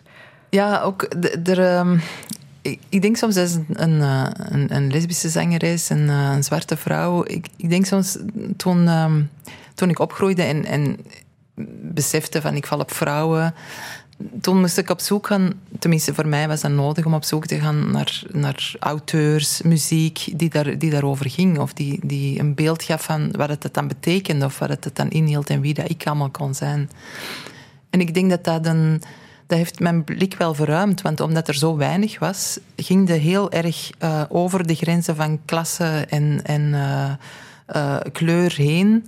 Eh, op zoek naar artiesten, schrijvers. En daar zaten eigenlijk heel veel zwarte vrouwen bij die heel uitgesproken eh, ideeën hadden ehm, over, zoals Audre Lorde bijvoorbeeld, over ehm, eh, over feminisme vanuit een ander perspectief. En dat heeft mij veel. En ja, John Armatrading is ook zo iemand ja, die, die, die mijn blik verruimd heeft, echt buiten de, de witte middenklasse waarin ik ben opgegroeid. Ja. En The Weakness in Me. Wat ja, is dat, gaat voor heel jou? erg- ja, dat gaat, het, drama waar mijn leven toen vervuld was, was van eh, ja, verliefd zijn op iemand en dan op nog iemand en nog iemand. en, eh, ehm, en dit liedje gaat daar, gaat daar heel erg over. Over die, eh, ja, je bent met iemand samen en dan word je verliefd op iemand anders. Wat doe je dan? In dit liedje wordt het niet echt opgelost. Dat gaat zo'n beetje over dat drama. Ik, ehm, ik heb daar toch manieren voor gezocht dan. Hè. Ik, ik heb ook open relaties gehad. En ik, ehm, ja, dat, maar dat gaat over dat fundamentele gevoel van, van altijd toch nog op zoek zijn. Ik denk soms, omdat je daar straks ook vroeg van, ja, dat, dat, dat pesten, hé, wat, heeft dat gedaan? Ehm, het heeft mij enerzijds eh, zelfvertrouwen gegeven of, of minder, minder eh, bang voor het, wat andere mensen van me denken. Maar anderzijds ook eh, ja, op zoek gaan naar, naar andere soorten relaties. Ehm, en een soort van verslaving aan vriendschap of zo. Ik heb veel. eh, eh, vriendschap is heel belangrijk geworden voor mij. Omdat je een pleaser was? Omdat je... Dat zit er misschien een beetje bij, dat, dat, dat ik een pleaser was, maar ook dat dat, dat toch een soort compensatie is voor, voor hoe het toen was, om die eenzaamheid of de, de angst om, om, terug alleen, om terug zo alleen te zijn. En dat je je risico moet spreiden of zo. En ik denk dat ik dat in mijn relaties toch ook wel een beetje heb gedaan. Dat er altijd toch nog iemand anders, eh, ja, dat er altijd verschillende mensen Maar nu is er iemand die echt aan jouw zijde zit. Hè? ja, dat wel. Het is ook een open relatie, maar het is niet meer zo eh, aan de orde. Eh, ik denk dat, dat er te veel andere dingen zijn in ons leven en dat, ik, dat, dat het voor mij toch te veel energie zou vergen om het ingewikkelder te maken dan dit. Maar ehm, ja, er is iemand al, al heel lang deel van mijn leven nu. En ja, die, ja, die houdt mij in leven, zal ik maar zeggen. Zeker nu. Ja. Ja. Ja. Zie je dat zo? Die houdt mij in leven? Mm, nu zeker, ja. Niet, niet die voorbije 17 jaar, maar, maar eh, ja, zij is heel eh, veel geaarder dan ik. Ze is veel eh, meer, staat meer, meer, meer voeten op de grond. En dat helpt mij wel om, om hier te blijven. Om niet te veel in, in, in mijn hoofd te gaan en niet te veel te verdwijnen in mezelf of zo. Dat, Ja. dat geeft mij echt een soort van evenwicht. En nu op deze moment, nu ik ziek ben, eh, is, het, is het ook bijna echt ja, fysiek mijn leven houden of, of er zijn op de momenten dat het belangrijk is en relevant Ja. is. Ja. Want het is niet alleen ja, jouw fysiek eh, ziek zijn, maar ook het mentale. Hè? Het is ook mentaal zwaar om te horen dat je kanker krijgt, daar te moeten van genezen, te willen van genezen. Hoe is dat bij jou gegaan? Hoe heb je dat mentaal gedragen? Mm, het is, eh, wat nu moeilijk is en moeilijker eigenlijk dan de vorige keer. eh, De eerste keer had ik eh, een soort van vechtlust. Van hier, hier, kom ik wel doorheen. En nu, ja, ik, ik weet dat ik niet meer beter word. Hè. Ik weet dat, ze, dat, dat de behandeling is levensrekkend eigenlijk. Hè. Dus la- laat ons hopen zo lang mogelijk. Maar er is niet meer hetzelfde vooruitzicht als toen. Hè. Er was toen een, een voor en een na eventueel. En daarna is er nu niet meer. En dat vind ik een heel moeilijke oefening mentaal. Hoe gaat het om met het feit dat je... Natuurlijk, iedereen weet, hè, we, we moeten er allemaal ooit aan geloven, maar je leeft toch alsof dat niet zo is. En die, die schijn kan ik nu niet meer in mijn hoofd ophouden. Het is heel gek eigenlijk, want het is alleen maar in mijn hoofd natuurlijk. Fysiek is het zo dat ik nog heel veel dingen kan, dus ik, ik kan gewoon verder. Maar ik weet dat, het, dat de tijd beperkt is. En dat- hoe dat je daarmee omgaat, dat is iets dat ik zelfs uit de boeken niet heb kunnen leren. Of, of dat, dat ook niemand u kan zeggen. Ook de begeleiding, de oncologen niet. Van hoe gaat het ermee om? Dat te weten en toch ten volle nog te genieten van wat er is. Maar tegelijk realistisch te zijn over de mogelijkheden die je hebt. Ja. Vorige maand, nee, twee maanden geleden, was eh, Dirk de Wachter hier te gast. Ja. En hij had het over ehm, in het nu eh, leven. Dat wil ik eh, even laten horen. Het, het is een beetje merkwaardig, maar in veel, ik zal maar zeggen, in veel zelfhulpboeken en zo wordt er erg de nadruk gelegd in het nu te leven. Ja. Heel erg in het nu. En ik versta dat wel, maar voor mij is in het vroeger leven ook zeer, zeer mooi. Zo. Troostend. Troostend, wel, daar gaat het dan over. Mhm. Ja, ja, om terug te denken aan alles wat zo goed geweest is eigenlijk. Zo. Ja. Touché. Is het dat wat je bedoelt? Het is moeilijk om in het nu te leven? Het is moeilijk om in het nu te leven, ja. Zeker Want- tijdens de chemo's die zo elke week waren. En dan, dan, dan kun je het echt nooit vergeten. Maar eh, ja, het is, het nu is niet zo leuk. En, en dat, Je wilt niet in dat nu nee, zijn. ik wil niet in dat nu zijn. Dus het klopt dat ik ben heel blij met mijn, met mijn eh, eh, fantasierijke geest. Allee, of met, met het feit en mijn, mijn vele herinneringen. Ik ben blij dat ik 53 ben en dat er dus veel voor mij ligt waar ik naar terug kan grijpen. En, eh, en ik ben ook blij met plannen die ik eventueel kan maken, die misschien niet realistisch zijn, maar die ik toch kan bedenken. Dus ja, vooruit en achteruit denken, ik ben heel blij dat ik dat kan nu. Ja. En ik wil ook wel mm, soms in het nu zijn. Hè, dus, als- maar die switch is heel moeilijk. Hè, die, die oefening van u kunnen afsluiten en teruggaan naar het verleden, maar toch op het moment dat het ertoe doet en dat het mooi is en dat je denkt van oh, nu kan ik mij opladen, om dan te zeggen van oh ja, ik ga nu even in het nu leven, dat is niet gemakkelijk. Dat, is een, eh, dat kan iemand wel zeggen, maar dat is niet zo gemakkelijk om te doen. En tijd is natuurlijk heel erg belangrijk. Hè? Aan de ene kant weet je, misschien is mijn tijd beperkt. En aan de andere kant bestaat jouw tijd waarschijnlijk vooral uit wachten op ja, resultaten van eh, onderzoeken, wachten op eh, artsen, wachten op operaties, wachten op behandeling. Hoe ben je daarmee omgegaan? Ik denk dat veel mensen dat niet onderschatten. Dat onderschatten. Ik denk dat dat beeld leeft ook niet. Maar inderdaad, bij, bij ziek zijn hoort veel wachten en veel formulieren invullen ook. Ja. En dat zijn heel prozaïsche dingen die je ook moet doen, terwijl er iets heel groots boven je hoofd hangt. En En dat je dat, niet weer wil. Nee, je wilt dat eigenlijk Mm. niet. Je wilt graag met die grote dingen bezig zijn, maar ondertussen moet je toch ook wel ja, de afwas doen en eh, eten en, en, En zorgen dat, eh, de, ja, ik weet het niet, voor uw omgeving ook zorgen. Ehm, ja, hoe gaat het daarmee om? Dat wachten. Veel uh, Karel Scripto-puzzels invullen in wachtzalen. En dan denken, is dit het dan? Ja, ja dat, allee, op sommige momenten mo moeten echt vergeten van ja, ik, ik, dat je iets, graag iets belangrijks zou willen doen. Ik denk dat ik het oplos door op de momenten dat het kan, ben ik heel manisch bijna bezig met dingen af te werken. Dus ik heb, toen ik de winkel had, weinig tijd gehad om, om met mijn eigen schrijven bezig te zijn. Ook omdat voor mij schrijven iets is dat naast... Allee, er is het leven en er is het schrijven. En dat is allebei belangrijk. Maar dat leven is ook belangrijk. Hè. Dus het schrijven zal nooit bij mij de, de eerste, het enige zijn wat ik doe. Um, ik wilde ook altijd andere input, zoals de winkel, zoals mijn activisme. Uh, dus, dus die dingen wil ik, uh, wil ik allemaal blijven doen. En op deze moment ben ik, dus als het kan en ik heb de energie, dan ben ik super manisch bezig met dingen af te werken. Zoals? Wat, wat wil je dan? De volgende dichtbundel. Ja, afwerken. iemand vroeg van, ja, zijn er nu blij dat deze af is? Ik, ja, ik ben heel blij dat deze af is. En nu ja. ik, uh, wil ik de volgende ja. afwerken.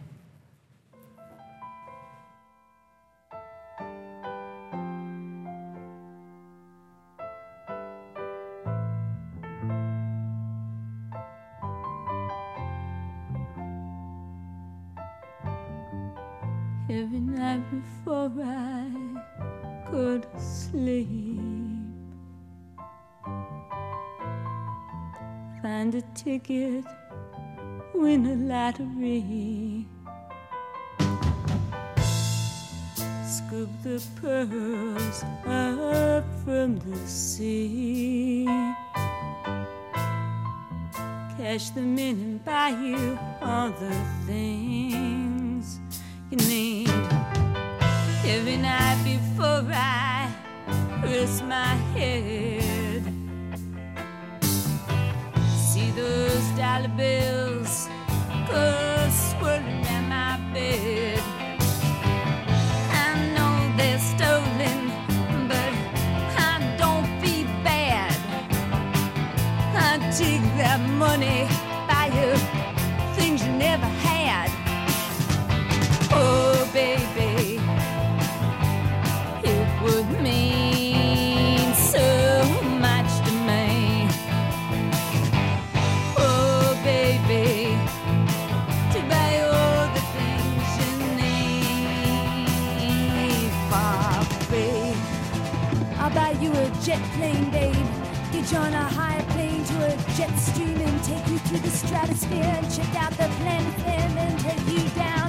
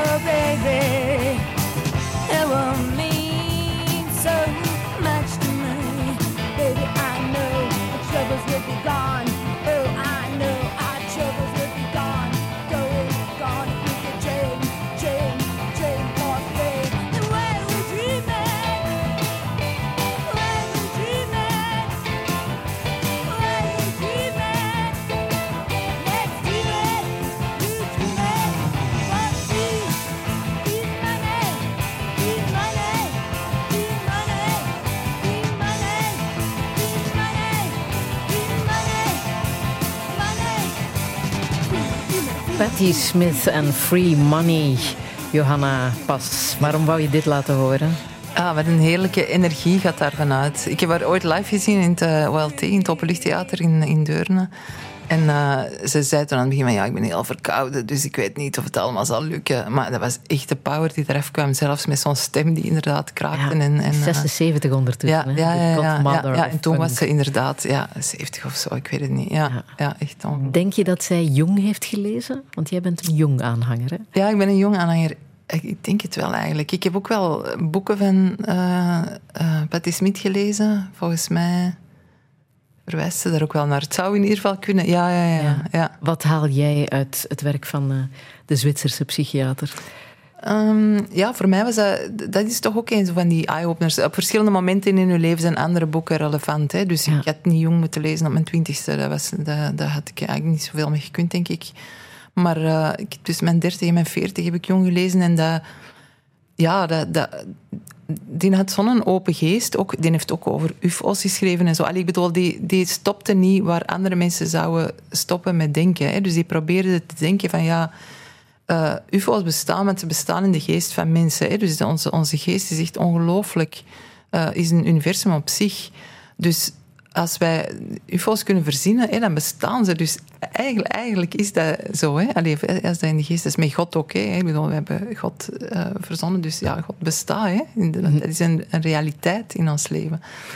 Ik denk, ja, die bood mij instrumenten om, om met mijn verdere ontwikkeling om te gaan. Een geestelijke ontwikkeling, uh, beelden, uh, gedachten. Hoe dat ik met mijn dromen kon omgaan, die heel intens waren in die periode. Hoe dat ik met ziekte kon omgaan ook. Um, hoe ik met andere mensen kon omgaan.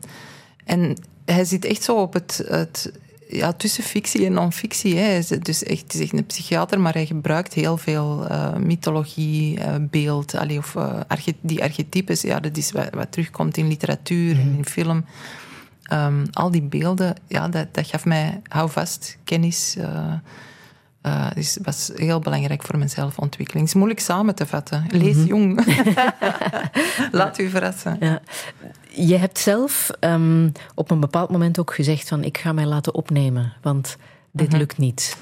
Ja, dus een aantal jaren na mijn, uh, nadat ik de eerste keer kanker had uh, gehad, um, ik nam ook hormoonremmers uh, om, om, die, allee, om de kanker te beheersen, allee, dus om, omdat die niet terug zou komen. En dat had een heel grote impact. Hè. Dus ik had, na mijn kanker is ook een jaar later zijn mijn eierstokken verwijderd, waardoor ik een soort van geforceerde menopauze kreeg. En die hormoonremmers daarbovenop, dat gaf ja, één, alle dingen die bij de menopauze horen. Uh, ook de mentale, uh, maar dan echt, echt extreem. En ik werd er vooral heel uh, depressief van. En het is iets waar weinig, in, waar weinig over gezegd wordt. Chemo geeft natuurlijk een heel, hè, zo dat haar verliezen en... en heel, en, en littekens of, of, of borstamputaties. Hebt een heel concreet iets wat, mensen, wat je aan mensen kunt tonen. Maar de medicatie, ja, we doen er nogal licht over. Maar de, de, de medicatie die bij kanker hoort, is niet, niet van de poes. Hè. Dus zelfs al zijn mensen thuis en zijn ze misschien zelfs terug aan het werk. En ja, in mijn geval zeker terug aan het werk. Um, en functioneren ze schijnbaar normaal. Dat heeft een grote impact op je mentaal, maar ook je fysiek welbevinden. Hè. Dus die, die geven... Uh, ook gewrichtspijnen en zo hebben sommige mensen veel last van. Dat heb ik nu iets minder.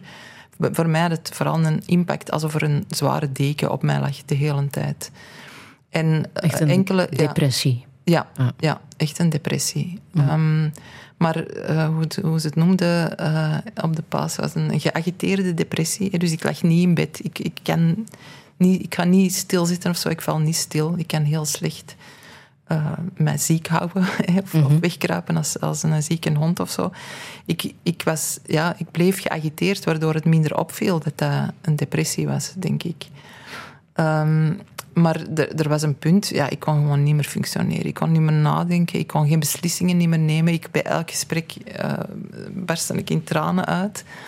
En uh, ik, voor mijn omgeving was dat zwaar en ik, ik vond ook zelf geen oplossing meer.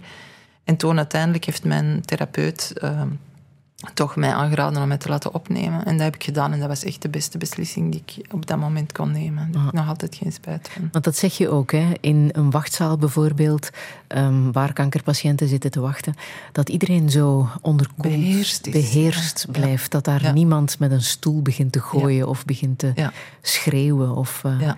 ja. Ik Verbazingwekkend inderdaad, Heel verbazingwekkend, ja. ja. Ja, mijn vriendin kan soms wat, wat- zelf wat boos worden of zo. Dan denk ik rustig, rustig. Terwijl dat ik denk van ja, waarom niet? Het is ook een boos van te worden. Hè. Je zit daar, je zit te wachten. Het is niet goed georganiseerd, waardoor dat je soms uren in een wachtzaal zit. eh, Dat je denkt van waarom, waarom Ja. kan dat niet zo georganiseerd worden dat wij hier, allez, hè, dat, dat iedereen hier gewoon op tijd is en dat je eh, dan bij een dokter kunt komen. Nu, ik weet niet hoe dat, dat functioneert, maar als patiënt kan ik in ieder geval vertellen, is dat verschrikkelijk soms in, in, eh, in alle omstandigheden, denk ik. Want je zit er nooit voor je plezier. Ehm, en dan ja, zou ik, ik wou soms echt iets, ja, inderdaad, zo die airco kapot gooien met een stoel. Dat is gewoon een beeld dat in mijn hoofd blijft zitten van ja, je, maar iedereen houdt zich toch in. Iedereen is daar beheerst. En de oncotherapeut zegt dan tegen mij van ja, maar iedereen die hier in de, in de chemozaal zit, hè, zit hier tegen zijn zin en die hebben het moeilijk en die, die huilen ook en zo. Maar dan denk ik, ja, maar ik, je ziet dat niet. Je zit daar tussen dertig mensen die ook hè, aan, aan, die, aan het infuus hangen en die, ja, die allemaal rustig lijken. En Voor jou zouden de mensen wel hun kwaadheid af en toe. Het zal niet praktisch zijn misschien, maar het is, het is net zoals een begrafenis, hè, waar dat wij ons ook altijd zo beheersen. Dat je denkt, waarom, waarom roepen wij nu niet uit hoe verschrikkelijk en, en akelig dat we dit vinden? Ja, dat, ik, ik zou het wel willen en ook niet. Hè. Ik, Hmm. ik ben natuurlijk opgevoed als een superbeheerst iemand, dus ik ben ook bang van die emotie. Maar ik vind het ook verschrikkelijk dat we, daar, eh, ja, Hmm. dat, we dat doen. Ja. Maar ik heb niet de indruk dat jij je humor helemaal verloren bent.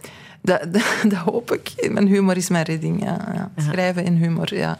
Nee, ik, ehm, dat, dat, dat heb ik echt nodig. Ja, ik moet daar wel mee kunnen lachen. De, de, eh, de, de grapjes die ik in het openbaar maak of zo, zijn, zullen nooit zo, zo eh, hard zijn als degene die ik ja, thuis maak, eh, samen met mijn lief of mijn vrienden. Welke maak je dan? Nee, dat ga ik niet zeggen, dit is openbaar. Nee, maar ik, ja, die zijn, die zijn contextgebonden, dus ik, ik, dat kan ik niet zo zeggen. Maar ik, ik, ik kan echt wel lachen met de situatie zoals Moet die ook is kunnen, hè? Ja, moet Ja. zeker kunnen. Moet zeker doen ook, ja. Om te relativeren ja, en te ventileren. een plek voor vinden, ja. Ja.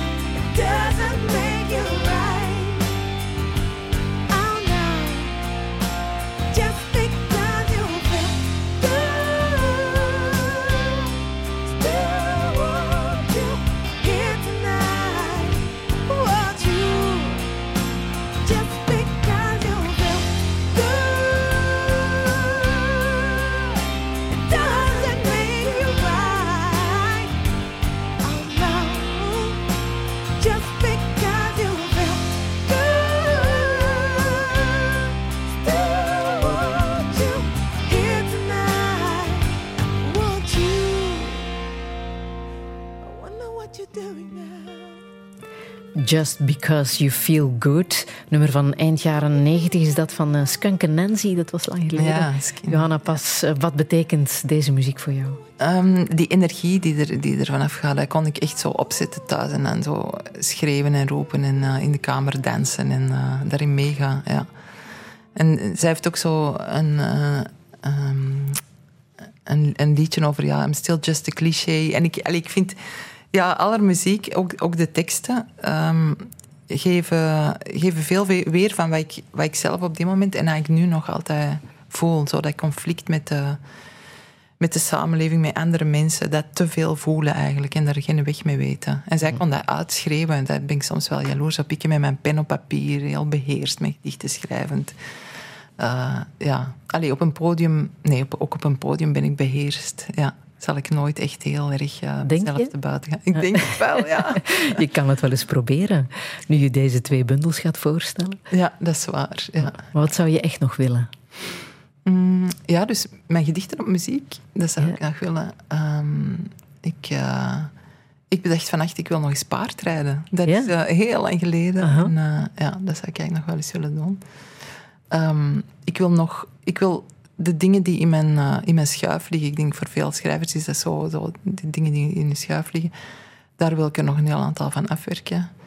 En uh, ik wil nog ja, zoveel mogelijk schrijven of zo, of, of dingen, ja, mm -hmm. dingen maken uh, om mensen, waar mensen hopelijk iets mee kunnen. Ja. Hoe bereid je je voor op de dood? Hoe doe je dat? Mm, ik denk dat je, ik denk dat je lichaam dat doet. Ik, ik, um, toen, toen ik hoorde deze keer dat ik kanker kreeg, de eerste weken, voelde ik me ook heel ziek. Ik was heel ziek omdat die lever, allee, alles daar rond was ontstoken. En ik, was, ik, ik, voelde me heel slecht. En ik voelde aan mijn lichaam dat, dat, het, dat het aan het sterven was. Of dat het, dat het, als, ik, als ze niks hadden gedaan, dan was dat ook zo geweest. Um, en dat voelde ik heel erg. En dat had um, ik had het gevoel dat mijn, dat mijn lichaam daar vrede mee had. Dat er, rust, dat er een soort rust mee gepaard ging. Dus ik weet niet hoe ik mij moet voorbereiden op het sterven, omdat ik niet weet hoe, hoe dat zal zijn. Maar ik heb me wel verzoend met de, met de dood. En ik denk dat dat mm, door te lezen is. Hè, door, door, ja, je bent niet uniek. Hè. Als je leest, dan, dan beseft je... Veel mensen zijn mij voorgegaan en die hebben dat ook gekund. En die hebben het... Uh, uh, die, ja, die, kun, die hebben dat ook gekund. Dus ik ga dat ook kunnen. Dat is denk ik uh, hoe ik mij erop voorbereid. En ik, ik, ik, vind het ook niet erg om... We komen ergens vandaan, we gaan ergens terug naartoe. Om, om terug deel uit te gaan maken van het uh, universum, denk ik. Ja, is er iets, denk je, na de dood? Mm, is er iets voor het leven? Hè? Dat, dat, is, dat is ook de vraag hè, die, we ons, die we onszelf stellen. En, en dat is eigenlijk dezelfde vraag. Waar komen wij vandaan? Ik geloof, daar gaan we terug naartoe. En dat, is, dat was niet een heel slechte plek. Want ik heb het gevoel dat ik als kind heel veel moeite had om hier op aarde te willen zijn. Ik, wilde, ik had altijd een soort van heimwee naar een, naar een plek waar ik vandaan kwam. Zelfs als, als jong kind. Er, een aantal dichten in de bundel gaan daar ook over ik had het gevoel dat ik ergens vandaan was gekomen en dat ik daar nog altijd naar terug verlangde. En ja, ik heb er nu zo lang over gedaan om dan toch graag hier te zijn.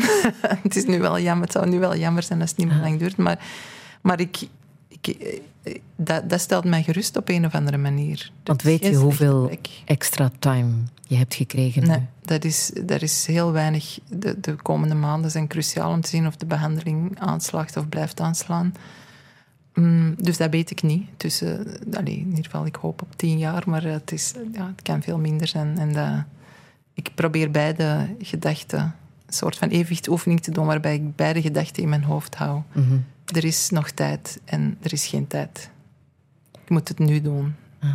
Heeft het geholpen om aan de slag te gaan met het werk van uh, componist Guillaume Lequeux, een Waalse componist die uh, heel erg jong is gestorven, hè? De dag na zijn 24e ja, verjaardag. Ja.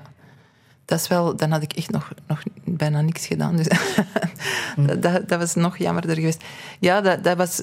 Dat, ehm, Lies Coleman, die, die deze bundel heeft gemaakt, eigenlijk, of dit boek eh, heeft, eh, die- het initiatief heeft genomen voor dit boek, Zij is pianist. eh, kwam met die vraag. Zij is pianist en ik heb met haar eh, gewerkt aan de, in de Dead Lady Show. eh, hebben we samen opgetreden. En ehm, de Dead Lady Show, ja, ik weet niet, met Mhm. scooters, dat is een soort van het oproepen van, van, vrouwen, van dode vrouwen. En dit, deze bundel eh, ja, eh, dwong mij om even terug in mij te verplaatsen in een ander, in die muziek te verplaatsen. En in het soort drama, wat ik nu niet meer snap, van hoe het is als je midden twintig bent. Zo die grootste gevoelens eh, over, ik weet nu niet meer wat, hè, maar die toen superbelangrijk waren. En waar je nu van denkt van, ja, wat was al dat drama, al dat verdriet en die grote, grote emoties.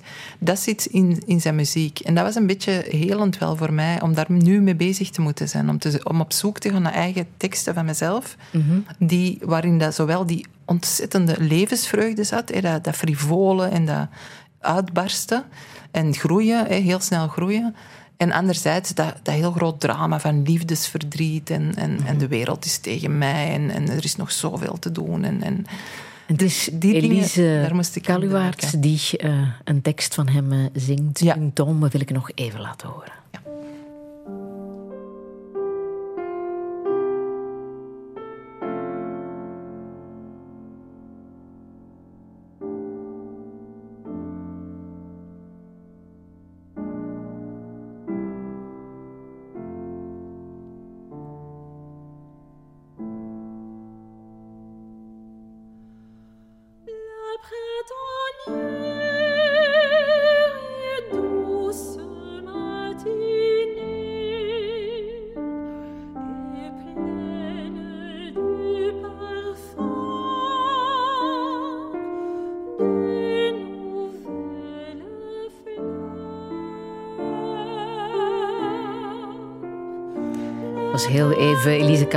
Maar morgen in de single zal ze het nog eens overdoen bij de voorstelling van eh, de bundel ehm, Voor mij alleen. Johanna Pas, ik wil je heel erg bedanken voor eh, dit gesprek. Bedankt Ik wens ja, je nog veel gesprek, Frieda. Ja. mededogen en vriendelijkheid. Dank je wel. En volgende week verwacht ik hier Bart Moejaert, collega-schrijver. Nog een hele fijne zondag. Heb je iets gemist? Je kan Touché herbeluisteren in de app van VRT Max.